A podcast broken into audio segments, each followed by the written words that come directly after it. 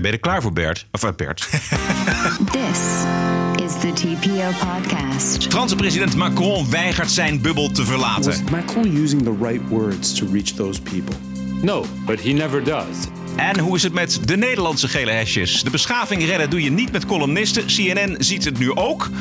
Of liever, ze zien het ook niet. I don't see any evidence of conspiracy between members of the Trump team and members of the Russian government to interfere in the election. En de bonusquote is van, hoe kan het ook anders, Philip Freriks. ver- verbaast me een beetje over dat me dat nu eh, hier rechtstreeks in de uitzending wordt meegedeeld. Maar eh, eh, het zij zo. Aflevering nummer 97. Ranting and Reason. Bert Bresson, Roderick Phalo. This is the award winning TPO podcast. Ja, het is maandagavond 3 december. Geen Bert vanavond, want die is eh, heel druk met verhuizen. Eh, van de ene kant van het eiland naar de andere kant. En naast mij zit Bart Nijman, adjunct hoofdredacteur van Geen Stijl... en columnist van Nieuwe Revue. Bart, Goedenavond. je hebt hier wel eens vaker gezeten, volgens mij, hè? Of maar twee keer, inmiddels, volgens mij. Inmiddels zit ik helemaal onder de indruk van hoe soepel dit gaat. Want ik ben als trouwe luisteraar, vraag ik me wel eens af hoe lang jij nog zit te knippen en plakken na afloop van zo'n opname. Maar ik Ja. zie nu dat het gewoon allemaal one-takers zijn. Ja, dat komt, dat komt daarna dan. Het knippen plakken komt dan na die one-taker. Nou, de- deze opening was eh, uitermate soepel. Oké, nou, dankjewel. Ehm hoe gaat het met... Want jullie hebben van Geen Stijl ook een podcast. Hoe gaat het daarmee? Ja, die ligt even helemaal dood in het water. Want wij zijn eh, omgeschakeld van het proberen te podcasten naar het eh, proberen om het bedrijf in eigen handen te krijgen. Ja. en het blijkt dat je niet genoeg tijd hebt om het allebei tegelijk te doen. Nee. Maar eh, dat het bedrijf in eigen handen krijgen is gelukt. Ja, precies. Sinds 1 november eigen baas. Ja, Maar gefeliciteerd. eh, Nog. het- Wij moeten eerst nog even verhuizen naar eigen kantoorruimte. Kijken of we daar een doorstart kunnen maken. En of het dan ook audio-only wordt. Of dat we er nog een cameraatje op kunnen zetten. Maar ik zou er wel graag mee verder gaan. Want het is gewoon, eh, behalve dat wij natuurlijk nog totaal amateuristische probeersels aan het maken waren. Is het wel echt heel leuk om te doen. Ja, ja. Hartstikke leuk. Nou, zometeen de gele hesjesrevolutie. Maar eerst eh, morgen, dinsdag is de dag van de podcast. Dan nog één keer wordt er gedebatteerd over het immigratiepact van Marrakesh. Ondertekend of niet ondertekend, dat is eigenlijk de vraag. En de VVD is er wel uit. Waarom zou je het überhaupt dan tekenen als het niks toevoegt en niet bindend is? Daar is eigenlijk maar één reden voor. Dat is diplomatie.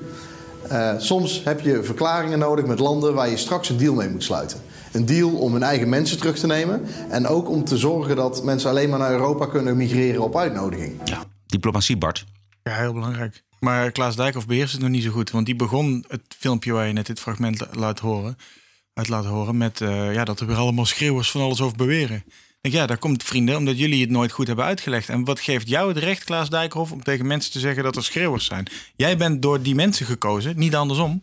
Jij, jij, jij moet dit uitleggen. Nou, als de uitleg is, dit is vanwege diplomatieke redenen. Ja, prima. Maar begin dan eens met die uitleg in plaats van mensen die kritiek hebben of zich afvragen waarom we zo'n pak nodig hebben voor schreeuwers uit te maken. Ja.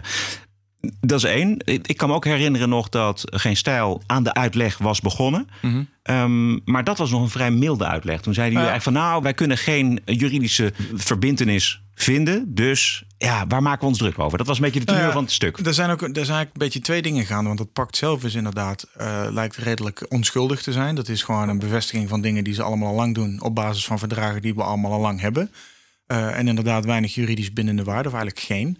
Eh, maar wat, waar het misgaat, is dat het natuurlijk eh, inhoudelijk ook geen deur dichtgooit. Het, eh, wat de critici zeggen, is dat het toch eigenlijk gewoon de uitnodiging ver- verlengt of bestendigt voor mensen uit andere landen om hierheen te komen. En ik denk dat heel veel mensen er juist naar snakken om eens een keer te horen dat de deur dicht zit. Ja. Dat we niet nog meer mensen binnen gaan laten. Dat we gewoon een iets stringenter beleid gaan voeren waarbij ontmoediging de boventoon voert. In plaats van wij gaan nog een keer herhalen en uiteenzetten hoe, wat voor rechten jij als migrant hier kan komen claimen. Ja. Maar eigenlijk is de gelopen race. Hè? Want ehm, VVD eh, is er voor, die gaat tekenen. Mhm. Eh, D66 is voor, ChristenUnie is voor. Ja, er komt een inlegvelletje bij. Dus Ja. het hele debat is ook alweer ja, voor spek en bonen. Voor spek en bonen. En dat is ook weer een beetje, vind ik ook weer een middelvinger. Ik Denk van waarom hebben, ze hebben vrijdag al gezegd, nou ja, we gaan dit gewoon tekenen. En we doen er nog wel een verklaringje bij dat het niet bindend is. Doet me denken aan een zeker referendum over een zeker associatieverdrag. Maar goed. En dan vervolgens gaan ze toch nog debatteren over iets waarvan ze allemaal al weten dat het er toch al wel doorkomt. Dus dan gaan vervolgens Baudet en Wilders en mogelijk ook de SP, die gaan dan nog even over op het orgel. En dan eh, zijn alle kampen weer langs de bekende lijnen verdeeld. En dan wordt het uiteindelijk toch gewoon getekend. En eh, zoek het verder maar uit. Schreeuwers en burgers en en wie dan ook. Ja, en in België kan het nog spannend worden. Daarover zometeen meer. Ehm, eerst nog even Harbers. Volgens staatssecretaris Mark Harbers is het pak juist een kans om kansloze asielzoekers terug te sturen naar het land van herkomst. Als we niets doen, dan houden we een grote stroom van irreguliere migranten naar Europa. Dat willen we juist beperken. Maar die landen Daarvoor- zijn dan toch ook niet gebonden om bijvoorbeeld nee, mensen terug te nemen? Nee, maar met dit in de hand, en dit is echt een diplomatiek instrument. Met dit pact in de hand, wat ook door al die landen in Afrika politiek wordt onderschreven, hebben we weer een extra middel in de hand om dat gesprek versterkt aan te gaan. Wij willen tal van afspraken maken met dat soort landen. Afspraken zoals we ook eerder met Turkije hebben gemaakt. Nou, daar zit nog niet heel veel schot in. Dit kan weer een kans zijn om dat gesprek weer een stap verder eh, te brengen. Omdat die landen zich ook committeren. En daar zal heel veel moeten eh, gebeuren. Ja, het, is, het is weer een, een kans scheppen. Het is, er zit Ja, zoveel goedgelovigheid bij. Die landen, zegt hij nou. Noem ze eens op dan. Want ik, ik bedoel, ik, ik, eh, ik, ik, ik ken die lijst niet uit mijn hoofd. Maar hij suggereert dat heel Afrika dat pact ook gewoon gaat tekenen. Ik vraag het mij af. En er zijn die landen, dat zijn er nogal wat in Ja. Afrika. Ja. En het gaat er ook niet om dat je het makkelijker maakt om mensen terug te sturen. Het zou erom moeten gaan dat het moeilijker wordt om überhaupt binnen te komen. Want we weten donders goed dat als ze eenmaal binnen zijn, dan komen ze in een asielmolen. Waarbij we over 15 jaar weer een kinderpardon moeten gaan verwerken voor degenen die nu net binnen zijn gekomen.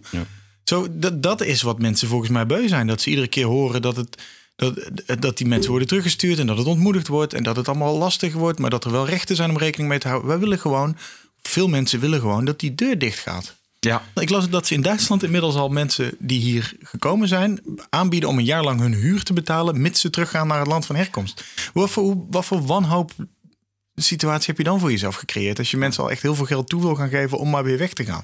Dat is nu wat je ook ziet met eh, Albanese eh, asielzoekers. Die komen hier juist omdat ze weten dat ze die vertrekpremie weer krijgen. Ja, je krijgt, het, je krijgt een uitkeringstoerisme inderdaad. En, en ja, je weet dat dat voor heel veel van die lui, eh, van die migranten geldt, dat ze uit opportunistische financiële overwegingen deze kant op komen. Je ziet, we zien al jarenlang die boten en die bussen en die, al die, al- alles wat er hier deze kant op komt vol zitten met jonge, viriele mannen. Die allemaal eigenlijk in hun eigen land ook best wel eh, wat zouden kunnen bijdragen om het land vooruit te helpen. Maar liever eh, vanuit bepaalde persoonlijke of egoïstische overtuigingen hierheen gaan. Misschien wel met de intentie om een gezin daar te onderhouden of een familie. Maar wel allemaal hier willen proberen om een bepaalde rijkdom te vergaren. Ja, die rijkdom is eindig als je dat niet eh, op tijd de, de deur voor dicht trekt. Zeker als het gaat over verzorgingsstaten die een zekere precaire balans hebben tussen wat er aan inkomsten ingaat en wat er aan uitgaven uit moet. En als die balans verstoord wordt, nou ja, ik geef het je te doen als die balans in het nadeel van, eh, van goede zorg, goede verzorging uit gaat vallen op een gegeven moment. Wat we nu al zien in onderwijs wat steeds duurder wordt, in zorg die steeds als minder ervaren wordt, in veiligheidsgevoel wat afneemt. Die verzorgingsstaat, daar wordt al aan de randen geknaagd, aan de, aan de veiligheid en het geborgen gevoel wat wij daarbij hebben. Waarbij mensen in Nederland ook nog eens het gevoel hebben dat ze er allemaal aan hebben bijgedragen. Op basis van de belofte dat ze er wat uit terugkrijgen als het misgaat. En dat wordt nu langzaam maar zeker afgebroken. En ja, de zondebok heeft een bruin kleurtje en komt uit Afrika. Nou ja, ik wil niet weten wat voor een brisante situatie je daarmee Exact. kweekt. Ja. In België eh, dreigt er nog steeds een kabinetscrisis over het pact. De Vlaamse nationalisten eh, zien het pact niet zitten. Een van hen is hoogleraar Hendrik Vuijen. En tegenover hem zit eh, zeg maar de Belgische Jesse Klaver, Christophe Calvo, in een uitzending van afgelopen week van Ter Zake. Eigenlijk komt er uit wat, eh, waar, waar de eerste minister in New York eh, in diezelfde speech voor heeft gewaarschuwd. Met name dat extremisten en, en, en populisten migratiepolitiek gebruiken om, om, om verkiezingen te winnen. En dat is wat de NVA ook in ons land eh, probeert te doen. Ook wel een beetje opgejaagd door het Vlaams Belang. En dan stel je eigenlijk vast dat Philippe de Winter op dit moment meer impact heeft op Theo Franke eh, dan, eh, dan Charles Michel zelf. En dat we eigenlijk niet anders kunnen en moeten doen, ook als je naar die tekst kijkt, om dat pact te ondersteunen. Beter vandaag nog dan morgen. denkt u wel. Ja, eh, dit had ook Rob Jetten kunnen zijn. Eh, dit is Christophe Calvo, dus de, de, de Belgische Jesse Klaver of de Belgische Rob Jetten. En eh, die- ja, die zegt ook juist ondertekenen, anders geef je, toe populisten aan populisten. En eh, dat vind ik zo moeilijk eh, eh, goed te krijgen in mijn hoofd eigenlijk, want ik begrijp die logica niet. Nee, want kennelijk moet er, is het belangrijker om de populisten niet in de kaart te spelen dan wel tegen te werken, dan om een beleid te voeren wat op rationele gronden met goede argumenten kan worden verdedigd en uitgevoerd. Ja, dat is één. Dat is precies wat Jette ook deed inderdaad. Die zei ja, als we niet tekenen, dan buig je voor de populisten. Je ziet het argument zie je in Nederland ook steeds vaker dat de VVD zich steeds rechter opst- rechtser opstelt om bij te blijven bij, bij wat Wilders en Baudet roepen. Maar Bart, is het niet zo dat eh, je de populisten juist in de kaart speelt als je dat pact wel ondertekent? Ja, dat is natuurlijk het, uiteindelijk het hele eieren eten. Dat als je niet eh, ingrijpt of, of actiever gaat eh, reageren op grieven die niet uit een populistische partij komen, maar uit de samenleving, waar je dit geluid toch echt wel heel duidelijk hoort. En dan krijg je dat, ja, je krijgt het kip-ei verhaal. Wilders heeft dit opgestookt, zeggen ze dan. Dan denk ik, nee, Wilders bedient iets wat er al is. En dat is die eeuwige discussie die je dan moet voeren. En ja, zij, uh, de Rob Jettes van deze wereld, zullen er waarschijnlijk hardhandig achter komen dat hun tactiek alleen maar dat geluid versterkt. Ja. Nog even terug naar die uh, uitzending van Ter Zaken. De Belg Hendrik Vuijen dus, die is hoogleraar staatsrecht... en uh, zegt net als Bram van Ooyek van GroenLinks in Buitenhof... dat het pact absoluut niet vrijblijvend is. Dat heeft gewoon te maken met de zeer lichtzinnige manier waarop wij omgaan met teksten die niet bindend zijn. En dat wij niet beseffen dat die teksten wel degelijk juridisch kan gebruikt worden. Ja, maar wat Theo Franke zegt, heeft hij een punt inhoudelijk? Ja. Ja. Dat is mooi, hè? Je stelt een vraag en vervolgens geef je zelf het antwoord. Inhoudelijk heeft hij een punt eigenlijk niet. Nee, want hij heeft gedurende twee jaar de tijd gehad om opmerkingen te formuleren. Ja, hij komt, maar u hij zei komt nu zelf, wel behoorlijk laat. In het Kamerdebat zei u zelf... ja, deze tekst wordt een hefboom naar een continent zonder grens. Maar natuurlijk, het is typerend voor ons land en ook voor andere landen... dat wij met niet bindende teksten bijzonder slordig omgaan... omdat men ervan uitgaat dat die teksten nooit enig rechtsgevolg zullen hebben voor een rechtbank. En dat is niet waar. Ja, en dan kun je dus politieke uitkomsten geven aan, aan niet bindende, niet juridische teksten. Degenen die voor het pact zijn, GroenLinks bijvoorbeeld, die geven dat ook ruidelijk toe. Vorige week nog, Bram van Ooyek dus bij Buitenhof. Nee, ik zou het niet vrijblijvend willen noemen. Er is twee jaar over uh, onderhandeld hè, ja. door eigenlijk alle leed, lidstaten van de Verenigde Naties. Er is een akkoord. Ja. En het is niet uh, juridisch bindend. Hè. Het is niet, uh, komt niet in plaats van nationale wetten. Maar het is niet vrijblijvend. Het is een internationale afspraak. Maar wat betekent niet vrijblijvend? Het betekent dat de lidstaten eraan gehouden zijn op een of andere manier? Nou ja, niet, niet in juridische zin. Maar politiek is natuurlijk zo dat als jij een akkoord sluit... als je afspraken maakt met elkaar... Hmm. Uh, spelregels afspreekt, dat is het in feite... dat je niet uh, na afloop kunt zeggen van... nou, ik heb daar wel uh, ja tegen gezegd... maar ik trek me er niks van aan. This is the TPO podcast. Laten we even naar de uh, gele hesjesrevolutie in Parijs en Den Haag gaan. Laten we dat maar eventjes rustig, voorzichtig zeggen. Bart, weet jij al wat er achter zit in, in Parijs? Wat het is, die, die revolte, het geweld? Nee. Nee, dat is enorm moeilijk te duiden. Ook omdat ik... Uh, mijn Frans is ten eerste niet zo goed. Laat ik daar ook heel eerlijk over zijn. Uh, dus ik moet het al hebben van uh, vertaalde bronnen, Engelstalig uh, nieuws uit Frankrijk. En de beelden die ik zelf zie, waarbij je je tegenwoordig steeds vaker af moet vragen waar je nou eigenlijk naar kijkt. Omdat je geen context ziet. En ja, je ziet mensen in gele hesjes met elkaar op de vuist gaan, met de politie op de vuist gaan. Elders zie je agenten juist weer wijken voor die hesjes, waar ze elkaar voor bedanken en zingen. Zo heb je meer vragen dan antwoorden. Ook omdat die gele hesjes geen eensgezind standpunt uitdragen, geen centrale organisatie hebben eigenlijk gewoon alleen maar woede lijken te ventileren. Die dan in Parijs uh, tot autobranden, geweld, rellen, traangas, kapotte dingen leidt. En in andere stukken van Frankrijk alleen maar tot wegblokkades en liedjes zingen naar elkaar. Dus ook daar zit weer heel veel tegenstelling tussen. Ja. Wat ik wel een mooi beeld vond, was dat er op een gegeven moment demonstranten met gele hesjes tegenover politieagenten stonden. En die politieagenten deden hun helmen af uit een soort van solidariteit met, met die demonstranten. Nou ja, dat is niet een soort van. Ik bedoel, vaak heb jij ooit uh, ME'ers gezien die in, in het aanzien van een potentieel woedende meute burgers hun helm afzetten en zeggen: Nou, uh, wij vrezen jullie niet. Ja. Dit was gewoon een openlijke verklaring van bondgenootschap. Ja. Ja. En uh, nou ja, daar mag, daar mag Macron zich misschien nog wel meer zorgen over maken dan over een gewone burger die zo'n hesje aantrekt. Ja, de woede richt zich op hem, vooral op hem. Een van de redenen is dat hij niet luistert en niet schijnt te kunnen luisteren. Was Macron using the right words to reach those people? No, but he never does, and uh, never that's, does. Uh, no, he never does. I mean, he he he speaks in his own uh, language. first of all, he has his own timing. His speeches are long all the time, an hour long today, and it was a short one according to his usual standards. And that's been the problem. That's why he's being portrayed as the president of the rich, the president of the elite, someone who was never elected to office until his surprise victory last year. And that's been a problem. And also, the fact that he's very lonely at the top. He was elected in a kind of upset, and he doesn't have strong voices, strong ministers, and very few of them. And so this disconnect is clearly uh, seen in this yellow vest movement because he doesn't know how to tackle the issue. He doesn't know how to talk to them. He's hoping that this will die down. Ja, dit is een Franse politicoloog, analist op France 24. Dat is zeg maar de nieuwszender. 24. Van, 24. Pardon. Uh, maar, uh, dit, is, dit is al een spot-on analyse. Ja, ja, zeker.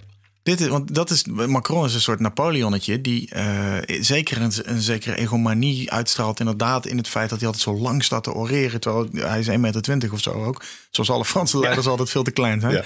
Maar hij is uit een soort backchannel uh, bakfiets-elite-achtige achtergrond gekomen. Ineens was hij daar met zijn En Marche, met zijn uh, Yes We Can-achtige campagne.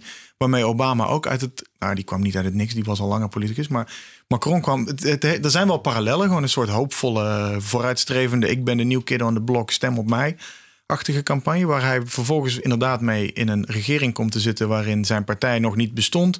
Waarin dus zijn bondgenoten dun gezaaid zijn. Waarin eerst tegenstanders van hem zich toch maar bij hem aansloten. Want ja, hij had nou eenmaal de macht. Maar dat maakt ze nog geen trouwe bondgenoten en vrienden.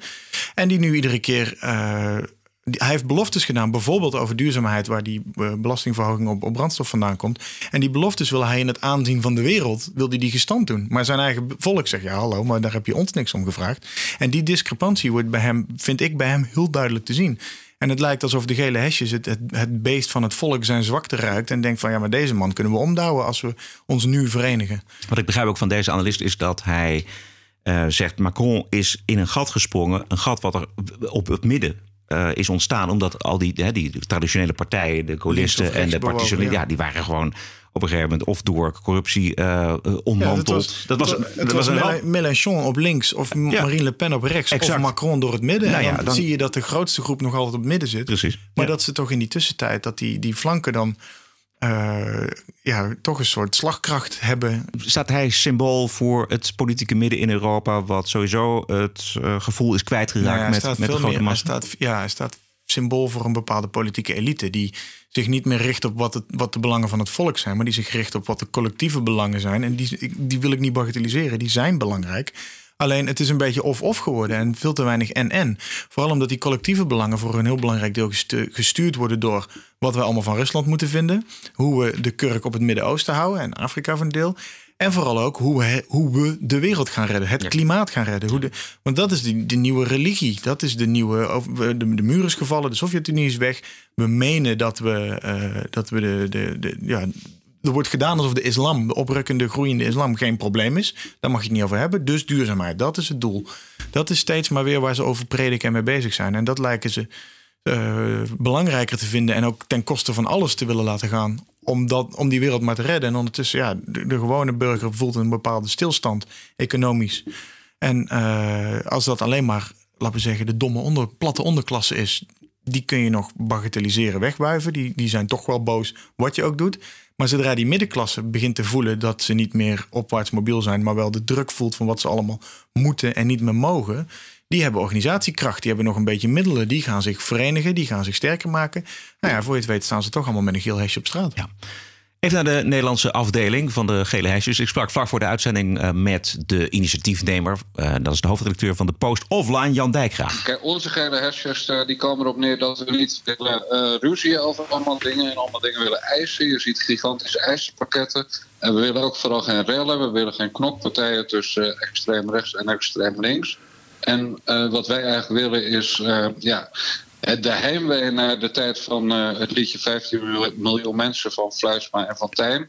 Uh, die willen we een gezicht geven. We, we, merken dat mensen boos zijn en bezorgd. En eigenlijk is de rode draad bij ons we willen dat onze kinderen en kleinkinderen een mooi Nederland uh, krijgen. Wat zou er moeten veranderen om dat Nederland van 15 miljoen mensen weer terug te krijgen? Uh, ja, even, kijk, dat, dat is al een, eh, een belangrijk punt. De een zal roepen het verdrag van Marrakesh moet niet worden ondertekend. De ander zal zeggen alle moslims het land uit. de volgende zal zeggen ga vooral zo door, want we worden een geweldige multiculturele samenleving het moment dat je het heel inhoudelijk over puntjes gaat hebben, dan komt er nooit uh, een eenheid en dan blijft iedereen maar boos. Het belangrijkste is denk ik dat de kloof tussen burger en beleid, dus tussen burger en uh, regering, maar ook tussen burger en elite, dat die kloof gigantisch groot is geworden. Dat als je bij een referendum nee zegt, dat je bijna zeker weet dat het uh, ja wordt. dus dat vertrouwen is weg. Ja, en dat is funest. En dan, dan zie je dat mensen naar extreem rechts neigen. Uh, dat mensen boos worden. Maar het is vooral een gevoel van machteloosheid wat je overal ziet. En wat wij merkten is dat, dat heel veel normale, doodgoede mensen best een keer hun stem wilden laten horen. Uh, bijvoorbeeld door middel van die gele hesjes. Maar ze wilden vooral niet uh, belanden in gele hesjes manifestaties waar spandoeken met vrij agressieve teksten eh, stonden of racistische teksten. Ze wilden niet eh, eh, op hun kop geslagen worden door de politie of door bijvoorbeeld Antifa. dus ze wilden wel hun stem laten horen, maar ze wilden dat vreedzaam. En dat demonstreren was heel simpel. Het zingen van dat lied. En ik haat zingen en ik vind het lied ook niet zo goed. maar inhoudelijk ja, kan ik me er wel in vinden. Ik heb ook heimwee naar die tijd. Heb je dat ook, heimwee naar die tijd? Nee, ja, het heeft niet zoveel zin om daar heimwee naar te hebben. Ik snap het gevoel, ik snap het sentiment. Ik kan ook het sentiment dat bij het liedje hoort best makkelijk oproepen. Dat doet toch aan de zorgeloze jaren negentig denken. Ja. Uh, maar je moet ook zo realistisch zijn dat die tijd ook niet meer terugkomt. En mensen voorspiegelen dat we daar terug naartoe kunnen het, is ook niet, het gaat niet gebeuren. Je kan beter uh, uh, manier vinden om met deze tijd leren om te gaan. Is het zinvol, zo'n gele hesjesbeweging, in de zin dat de, de, politiek daarna gaat luisteren? Wat ik denk dat het in beeld brengt, is dat het inderdaad, daar geef ik Dijkgraaf volledig gelijk in, dat de, de discrepantie tussen, tussen bestuur en bestuurder, of tussen burger en bestuur, is uit elkaar gegroeid of aan het groeien, of nog steeds uit elkaar aan het groeien. En uh, het gaat in mindere mate om verschillen tussen links en rechts. Alleen in de dagelijkse praktijk maakt links de hele dag ruzie met rechts en vice versa. Terwijl ik het gevoel heb dat die gele hesjes juist uh, dat een beetje overstijgen. Daar zit midden links en midden rechts. liep daar bij Jan uh, op straat dit weekend. En daarin zie je dat die dus toch samen kunnen komen om ja. te zeggen: ja, hallo, bestuur, luister eens naar ons gewone burgers van links tot rechts. Ja. En, en, daarin zit een hoop potentie voor die, uh, voor die hesjesbeweging. Dat denk ik ook. Want uh, nu is er de keuze tussen, als je het niet van het midden houdt, dan kies je of PVV of Forum of de SP misschien. Maar dit is toch een beweging, of het begin van een beweging, die daarop weer een alternatief kan bieden. Ja, en je ziet dat de VVD ook wel een beetje probeert om daar aansluiting bij te vinden. Want hun laatste congres was een festival met bier en bitterballen. Dus die proberen daar een soort van de normale uit te hangen. Alleen dat ziet er dan vooralsnog zo krampachtig uit. Omdat het weer discrepant is met de manier hoe ze besturen. Met hoe ze Dijkhoff in zo'n filmpje weer met zijn steeds arroganter wordende bek eh, zegt dat er helemaal schreeuwers van alles over dat pact beweren. Ja, sorry, maar dat rijmt niet met je bier en bitterballen festival, vriend. We gaan zo meteen uh, uitgebreid, nou niet uitgebreid, maar toch nog eventjes kijken naar Johan Derksen. TPO Podcast. Vrijdag was het weer raak in NRC Handelsblad. Een lijst met columnisten en journalisten die de beschaving willen redden. Eh, door twee vrouwelijke columnisten van kleur te steunen. Sada Noerhussen, voorheen Trouw, nu One World. En Clarice Gagar, voorheen de VARA, nu NRC Handelsblad. Ook minister van Veiligheid en Justitie Grapperhaus was aan boord. Hij riep de dames op aangifte te doen in geval van bedreigingen. Kortom, ophef tot in het kabinet. Het rijtje columnisten en journalisten had zich achter Noerhussen gesteld... vanwege de stroom racistische comments op haar columns. Op de redactie van misschien wel de beste krant van Nederland zijn ze nog aan het bijkomen van het plotselinge vertrek van hun collega Seada Noerissen.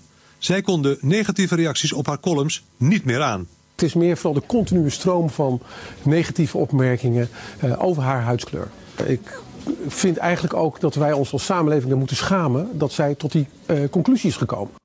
Ja. De stroom van negatieve uitlatingen over haar huidskleur. Heeft die man haar column zoals gelezen? Die een stroom aan negatieve uitlatingen over onze huidskleur bevat. Ja, dat is, dat is zeker een punt. Deze hoofdredacteur van Trouw, dat is Kees van der Laan. Misschien wel, misschien wel de witste man van Nederland. ja, zeker. Misschien wel de witste man van de redactie.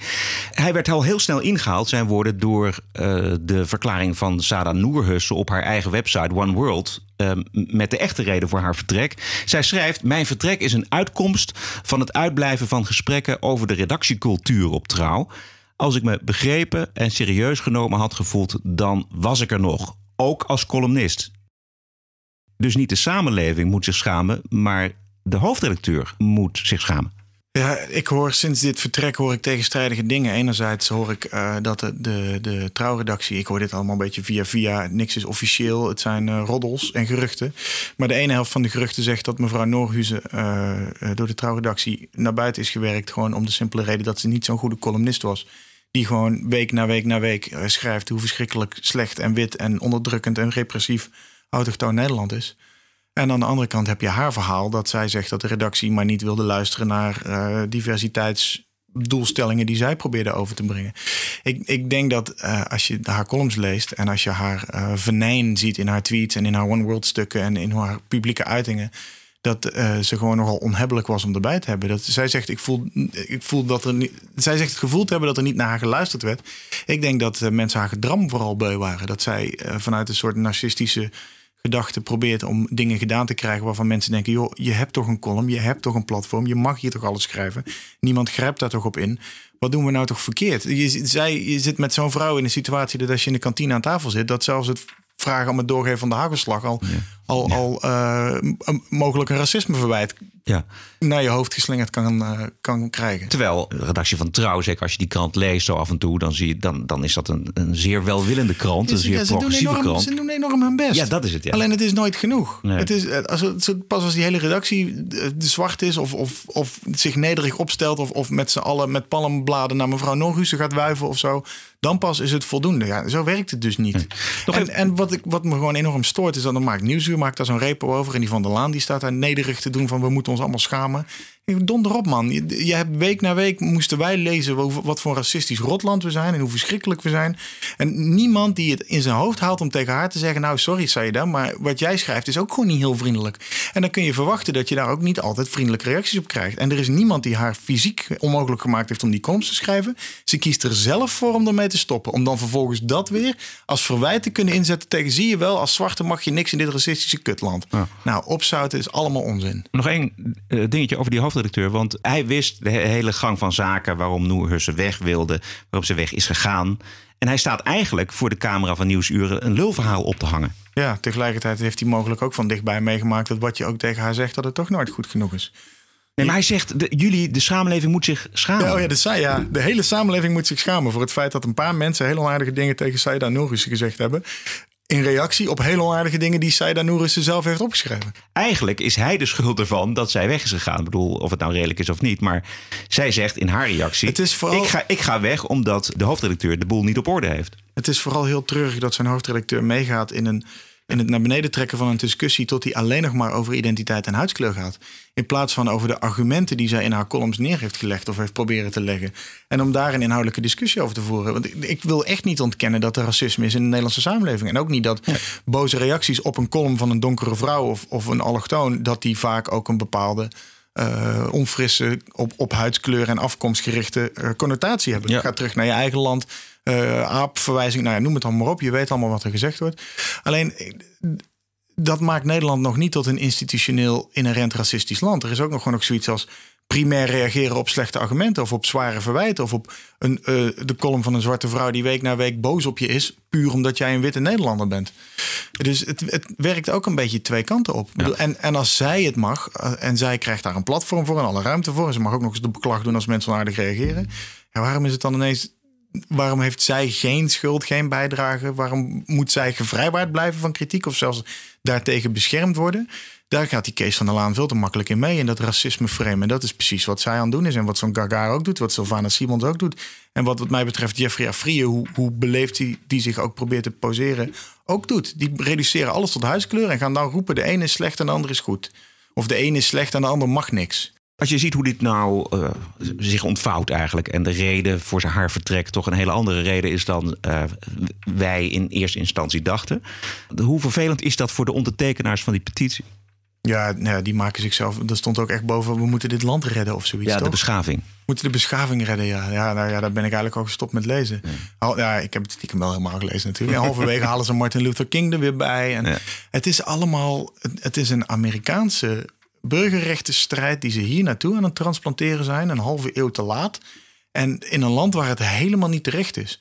Ja, we hebben vroeger slaven verscheept. Ja, daar zijn we ook al heel lang geleden mee opgehouden. Maar in Nederland heeft hebben allochtonen en mensen van kleur hebben nooit zo'n eh, persoonlijke vrijheidsstrijd moeten leveren om te kunnen zijn, mogen zijn wie ze zijn. Ze hebben nooit uit gescheiden fonteintjes hoeven drinken. Ze hebben nooit achter in de bus hoeven zitten. Natuurlijk, ze hebben een onafhankelijkheidsstrijd in Suriname moeten voeren. Maar degenen die vervolgens hier naar Nederland kwamen, die kregen gewoon rechten en stemrecht. En die werden niet eh, achtergesteld of bewust achtergesteld. En al helemaal niet institutioneel achtergesteld. Het is gewoon allemaal van een, van een hysterie die, die, ja, nou ja, die eindigt ook altijd een beetje in de dooddoener. Kennelijk is dit land al af als je je hier druk om moet maken. En dat maakt het wel heel vermoeiend dat het desondanks toch steeds maar weer prominent naar voren komt. Want we hebben die Zwarte Pieten discussie amper gehad. Of Nieuwsuur meent dat ze aan dit incidentje een complete repo moeten wijden. Wat ook gewoon kolder is. Waarom deden ze dat niet toen Wier Duk aan alle kanten helemaal kapot kapot bedreigd werd door notabene mensen die ook op het Mediapark werken. Waarom is Wiert Duk, waarom mag je daar wel van roepen dat het een nazi en een fascist is? En ik vind dat Wiert zichzelf ook veel te veel aantrekt en vooral veel te veel reageert en bezig is met... Maar dat is- dat is- dat is een ander verhaal, ja. Maar dat is een ander verhaal. Het, het feit dat ze voor hem niet in de bres gaan, maar voor haar wel, ja, het, het, het slaat gewoon. Ja, het is een lekker verhaal. Het is een, het is lekker racisme verhaal.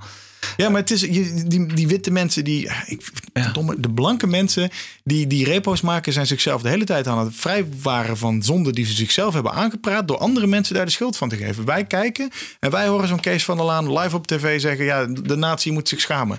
Donder op, Kees, dat jij je erfzonde ergens voelt kriebelen, moet je zelf weten, maar wij hebben daar geen last van. TPO Podcast.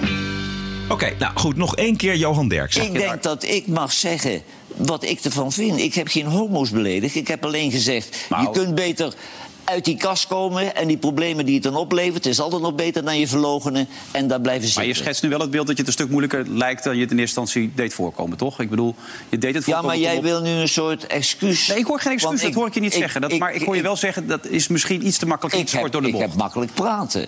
Ik heb makkelijk praten. Maar ik word een beetje moe van die verhaaltjes... wat ze allemaal meegemaakt hebben toen ze uit de kast kwamen. Nog even die minister trouwens. eh, Ja, maar die minister... Kijk, Oh. waar, waar ik me ergens aan geërgerd heb... is dat dan die, die loser van de Partij van de Arbeid... en die praten, en die praten de etalagepop van D66... Jette. die deed ook nog even een duit in het zakje... want die willen wel even meeliften. Ja, precies. En er, wa- er was er nog een andere. Dylan uh, Gus van de VVD, die eh, had zich er ook mee bemoeid. Wat vinden wij daar nou van? Dat, dat de politici zich bemoeien met wat zich op televisie afspeelt. Notabene eh, een voetbalcommentator die, Goedkoop die iets zegt. Goedkoop. Tenminste, ik vind dat goedkoop. Stel je kiest voor het beroep van politicus... en dan, dan zorg je toch dat je enige afstand houdt tot, tot de media... Tot, tot journalisten of tot commentatoren. Dat hoort toch bij, Ja, want het, het bij, komt al bijna bij een je beetje... eet als politicus. Het komt al gauw een beetje scary over als politici. Nou. Maar ik wil Rob Jet hier wel een klein beetje verdedigen. Want die repostte een, een eh, Facebook bericht... wat hij in oktober al een keer geplaatst had... over homo-emancipatie. Rob, Rob Jet is zelf eh, homo. En die, die schreef, vond ik, een redelijk neutrale tweet... waarin hij gewoon zei, er moet nog veel gebeuren. We zijn er nog niet. Nou, dat is een beetje clichés, maar niet onwaar. Zonder dat hij Dirkse Kert aanviel. Terwijl eh, Ingrid van Engelshoven, minister van Emancipatiezaken... Die, ging, eh, die zei, ik wil met hem in debat. Ik denk, nou, hoezo? Hij is een burger, jij bent een politicus. Wat heb jij nou? En als je, zij is minister van Emancipatiezaken... in een coalitie met de ChristenUnie... die net nog eens een keer bevestigd hebben... dat ze het homohuwelijk niet erkennen. En daar hoor je er niet over. Daar zitten ze mee in hetzelfde vak IK. Maar als Johan Derks op tv in zijn voetbalkantine wat roept... dan wil zij in debat. Ja, Dus is het op, opportunisme. mevrouw. Ja, tuurlijk. Schaamteloos. Ja. En dat verneukte ook een verder prima hashtag. Want eh, ik vond dat onder die Sorry Johan eh, hashtag, die, die een paar dagen actueel was, zag je toch wel openbaringen en uitspraken en bekentenissen of, of vertellingen, belevenissen, anekdotes van, van homo's, vaak jonge homo's. Die zeiden van, nou ja, het was zus en zo moeilijk, of er gebeurde me dit, of er gebeurde me dat. En ik vind nog steeds lastig mensen te vertrouwen. En ik dacht eigenlijk alleen van, ja, als Dirkse zijn mel had gehouden, dan hadden we dit nu niet gehad. Dus ieder, in, in zo'n publiek debat horen ook dit soort uitspraken. Exact. En als je dan vervolgens als eh, minister zijnde of als überhaupt als deugd-BN'er en wie er allemaal maar weer op losging, eh, niet op het onderwerp ingaat, maar op de man gaat hakken, omdat je dan zelf weer zo keurig overkomt, ja, dan komen we dus geen steek verder. Lees die fucking hashtag en deel die. En laat Johan dan vervolgens Johan zijn en zijn eigen conclusies trekken. Ik vond zijn repost eh, vrijdagavond in dit programma vond ik uitstekend. Ja, uitstekend. Maar ik, ik heb ook nog even teruggekeken naar de, de originele uitzending, zeg maar, waarin hij dan die uitspraken gedaan zou hebben. Nou ja, eh, ik ben zelf geen homo, eh, maar ik vond het niet zo schokkend. En gelukkig waren er een hoop homoseksuele volgers van mij die dat ook zeiden. Dus ik, wa- ik, wa- ik had een soort van pak van mijn hart. Oh, En dan, niet, en dan niet alleen die Lennart van Mil, eh, die, die Rotterdamse Nee. conservatieve gast. Want die wordt iedere keer als zondebok gebruikt. Want die zegt altijd het voorspelbare, ik maak nu aanhalingstekens in de lucht, eh, rechtsconservatieve geluid. Maar ook gewoon, laten we zeggen, mainstream homo's. Die gewoon zoiets hadden van, ja, gezeik. We weten dat het in de voetballerij zo is en niet helemaal oké is. We weten ook wie Johan Derks is. We weten hoe we hem in moeten schatten. He is not the enemy. Johan Derksen, de Johan Derks van Nederland zullen nooit echte homohaat propageren. Nee, Ze zullen precies, er het is- satire van maken. Ja, het enige wat hij op televisie heeft gezegd is dat je je misschien als homo beter uit de kast kon komen en de ellende over je heen kan laten komen. Maar dat is misschien dan nog beter dan Eigenlijk je hele ja. leven lang op slot Maar zitten. dat is, gewoon, dat is eigenlijk gewoon een hele eh, nuchtere boodschap. Ja. Van, joh, je, je moet zijn, hij zegt eigenlijk, je moet zijn wie je bent. Het kost misschien wat moeite, het kost wat pijn, maar doe het, want je hebt er meer aan dan jezelf verloochenen door je te laten onderdrukken door hoe anderen misschien zouden reageren. in principe is dat een hele progressieve boodschap. Alleen ja, omdat het door een oude man in een voetbalkantine setting wordt gezegd, wordt het dus onmiddellijk geïnterpreteerd als hij zal wel een hekel aan homo's hebben. Ja. En hij heeft zich uitgesproken voor het Forum voor Democratie. Misschien dat dat ook een handje Dat geholpen heeft natuurlijk een beetje rugwind gegeven aan zijn critici. Ja, want ja, hij heeft zich nu verklaard, verklaard bij de verkeerde kant. Ja. Het is natuurlijk verschrikkelijk in Nederland. Ik ben een jongen uit de 60s. Ja, dat weten we. Ja. Dat zie je ook wel. Nou ja, ik wil niet moeilijk doen. Maar... Wij kwamen in verzet eerst tegen je ouders, dan tegen de leraar op school, dan tegen het gezag. In de 70s kon alles. Leven de vrijheid, hadden wij veroverd. Die klok is zo ver eh, teruggedraaid dat Klaas Dijkhoff die heeft een proces aan zijn kont omdat hij een paar ballon opliet. TPO Podcast.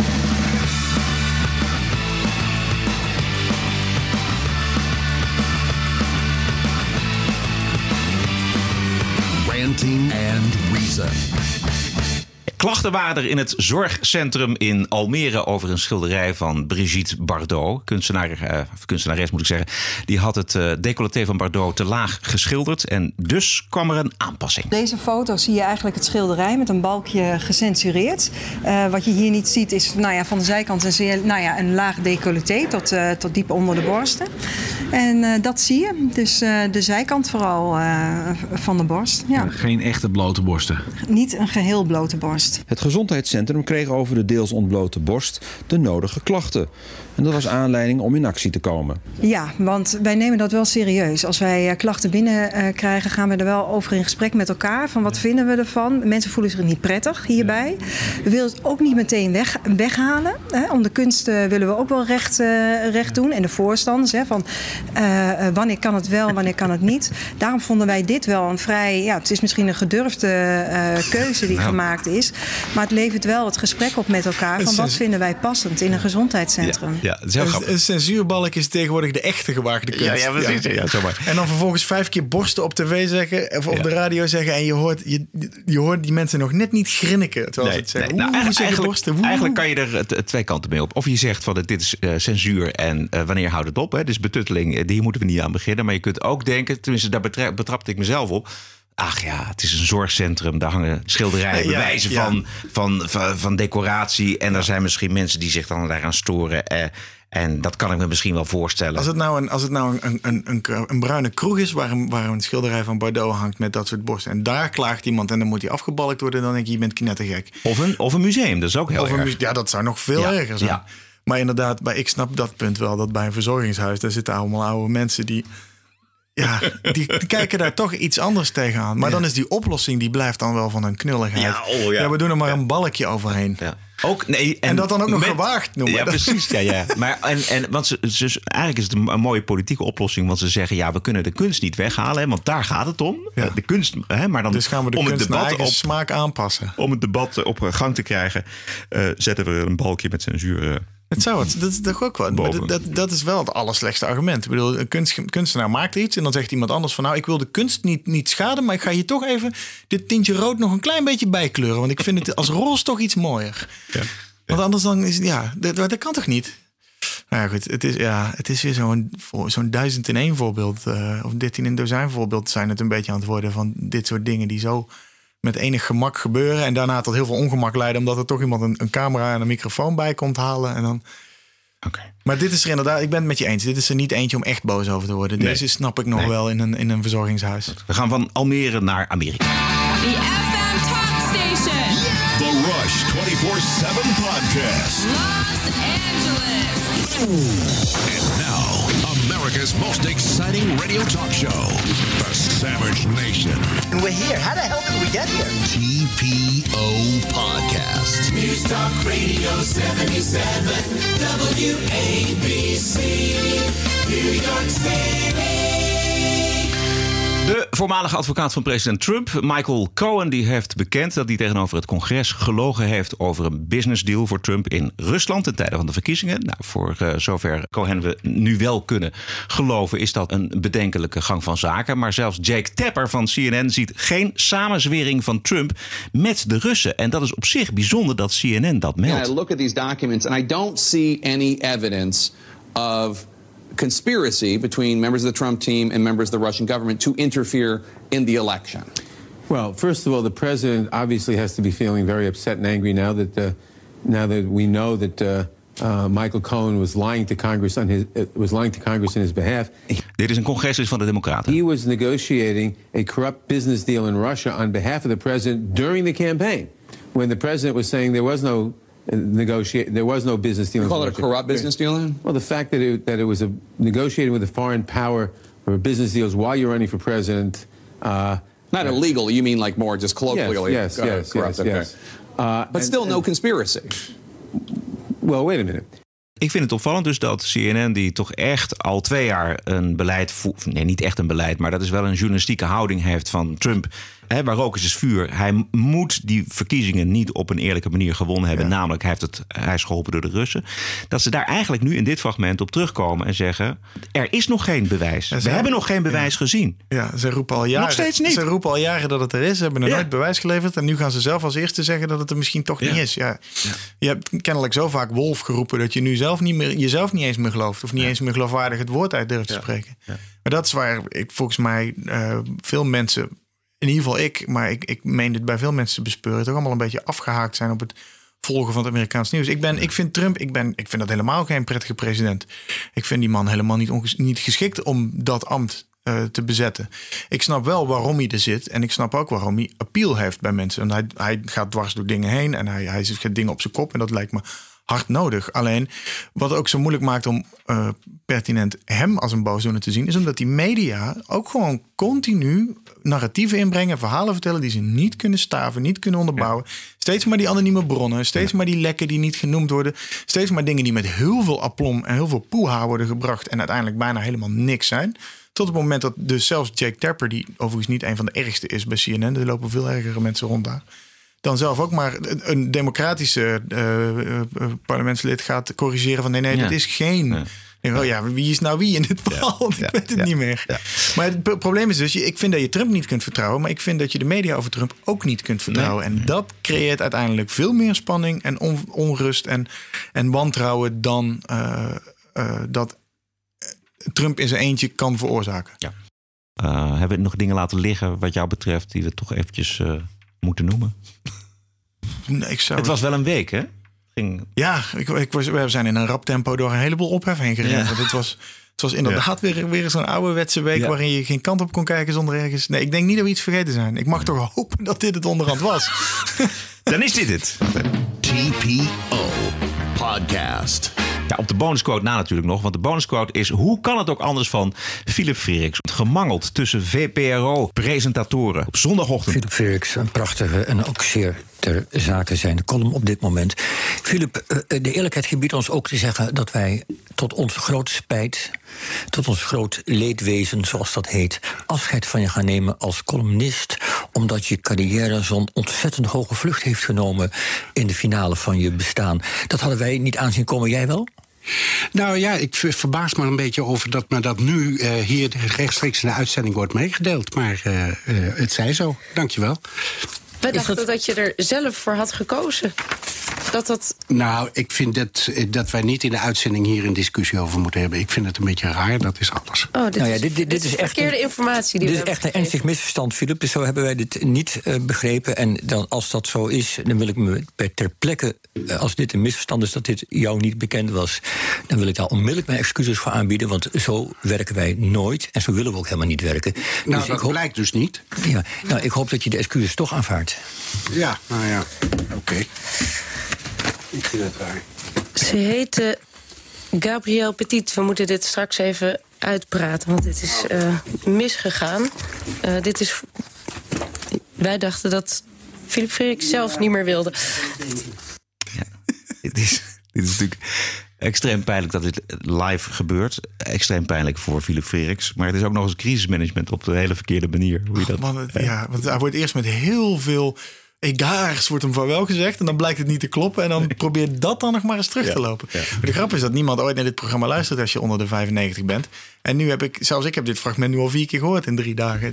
Dus- ja. Vandaag zat ik te bedenken van hoe dat nou eh, gebeurd is. De Telegraaf had er vanmorgen nog een stukje over.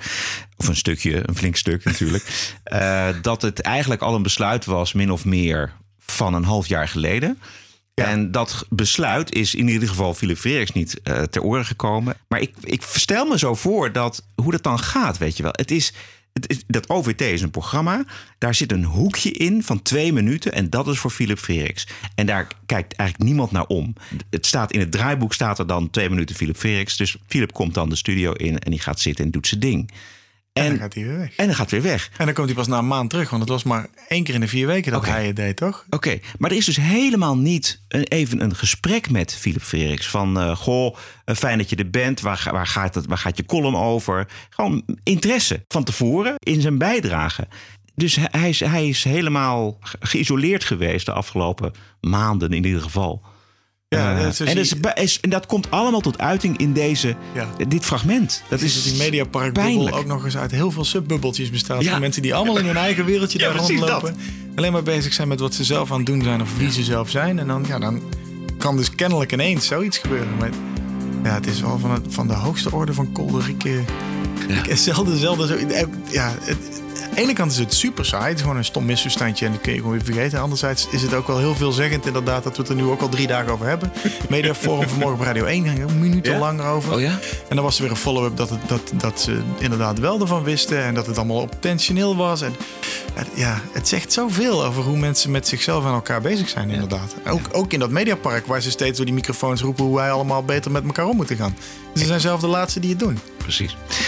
Goed, eh, tot zover aflevering nummer 97. Bart Nijman, hartelijk dank, zeer hartelijk dank. Ehm, vindt u het leuk, eh, dit geluid, of vindt u het een belangrijk geluid? Steun ons dan met een donatie. Dat helpt ons en de podcast en uiteindelijk uzelf natuurlijk ook. Ga naar tpo.nl slash podcast. Daar vindt u de mogelijkheden om iets te doneren. Ons financieel te ondersteunen. Dat is harder nodig dan u denkt. tpo.nl slash podcast. En bedankt voor de uitnodiging. Ik vond het ook weer erg leuk om hier weer een keer te zijn.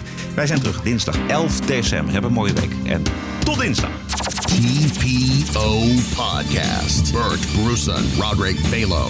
Ranting and Reason.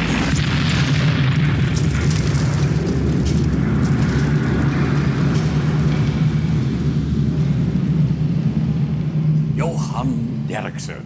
Heel veel homo-mensen die, die vonden het verschrikkelijk dat hij heeft gezegd dat het helemaal niet moeilijk is als je een beetje karakter hebt om uit de kast te komen. Oh, het is wel moeilijk op Twitter allemaal. Oh, het is wel helemaal moeilijk. Heel veel jonge en oude homo's. Oh, het is ontzettend moeilijk. Die lul van een Johan Derksen die begrijpt ons helemaal niet. En dan vraag je je af, mag Johan Derksen dan het niet meer zeggen dat het volgens hem makkelijk is? Moeten we dan willen dat hij zegt van, ja, ik heb zo met ze te doen? Moeten we dan willen dat hij niet meer zichzelf is?